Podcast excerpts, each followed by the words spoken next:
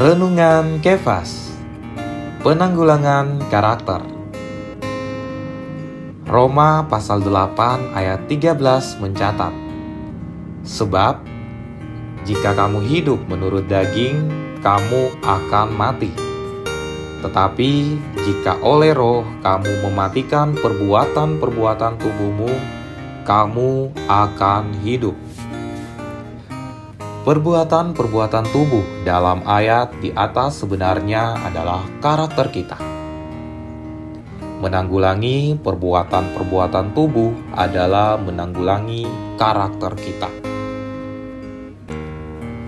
Dalam Injil, sejak Tuhan kali pertama memanggil Petrus, Tuhan mengambil setiap kesempatan untuk menanggulangi karakter dan watak Petrus Perbuatan-perbuatan tubuh adalah bagian dari karakter kita. Secara kebiasaan, kita selalu melakukan hal-hal dengan cara tertentu. Kita harus meletakkan kebiasaan-kebiasaan kita pada kematian melalui roh yang berhuni. Satu hal yang dapat membereskan masalah watak dan karakter kita adalah salib. Kalau kita bekerja sama dengan Tuhan, ini berhubungan dengan prinsip dasar dalam Alkitab. Ketika Allah menciptakan manusia, Dia menciptakan manusia dengan tekad yang bebas dan merdeka untuk memilih.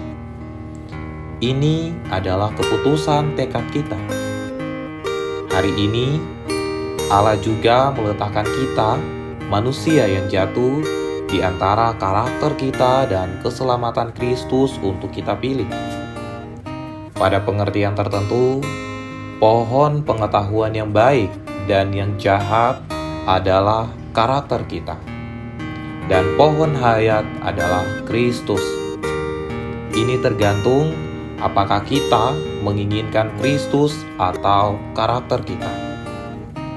Sobat Kefas, pengubahan terutama menanggulangi watak kita, pembaruan terutama adalah menanggulangi karakter kita.